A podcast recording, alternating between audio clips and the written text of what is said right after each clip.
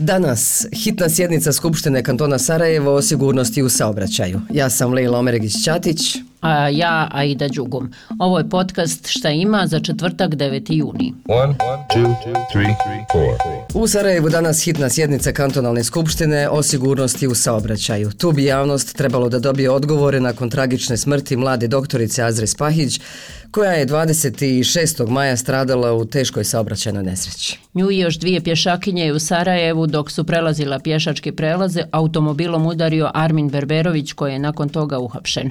Njemu je kantonalni sud u Sarajevu odredio jednomjesečni pritvor. Tužilaštvo kantona Sarajevo ga je zvanično osumnjičilo za teško krivično djelo protiv sigurnosti javnog saobraćaja.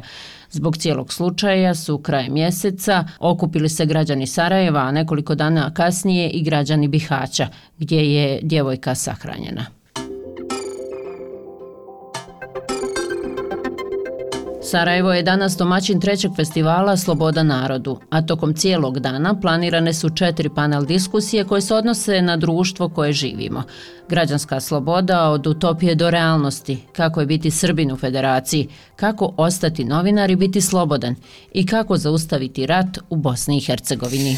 E, a o ovom zadnjem pitanju će na festivalu govoriti i Senka Kurt, urednica portala intervju.ba, pa smo je zamolili da nam objasni šta to podrazumijeva. Dakle, to je pitanje koje sam sebi postavljala od 95. gotovo svakoga dana. Ovdje postoji ratovi između normalnih i nenormalnih, između pozicije i opozicije, između vlasti i naroda, između politike i obrazovanja, između pravosuđa i kriminalaca. Dakle, sve su to ratovi koje vodimo svakodnevno, previše ratova u našim glavama, nakon strašnog rata koji smo preživjeli našim srcima. Nekoliko stvari je koje ja vjerujem. Rat možemo zaustaviti uz pomoć snažnog i neovisnog pravosuđa. Rat možemo zaustaviti uz pomoć objektivnog, dobro osmišljenog obrazovnog sistema. Rat možemo zaustaviti ako nekim čudom vratimo na agendu, na dnevni red pitanje što su to prave vrijednosti i šta je moral u našem društvu.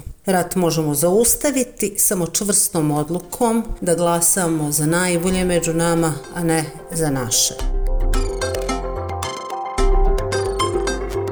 Evo još nekoliko informacija koje ćete željeti da znate. Danas počinje kulturna manifestacija Višegradska staza, posvećena Nobelovcu Ivi Andriću, polaganjem cvijeća na Andrićev spomenik kraj Višegradske čuprije.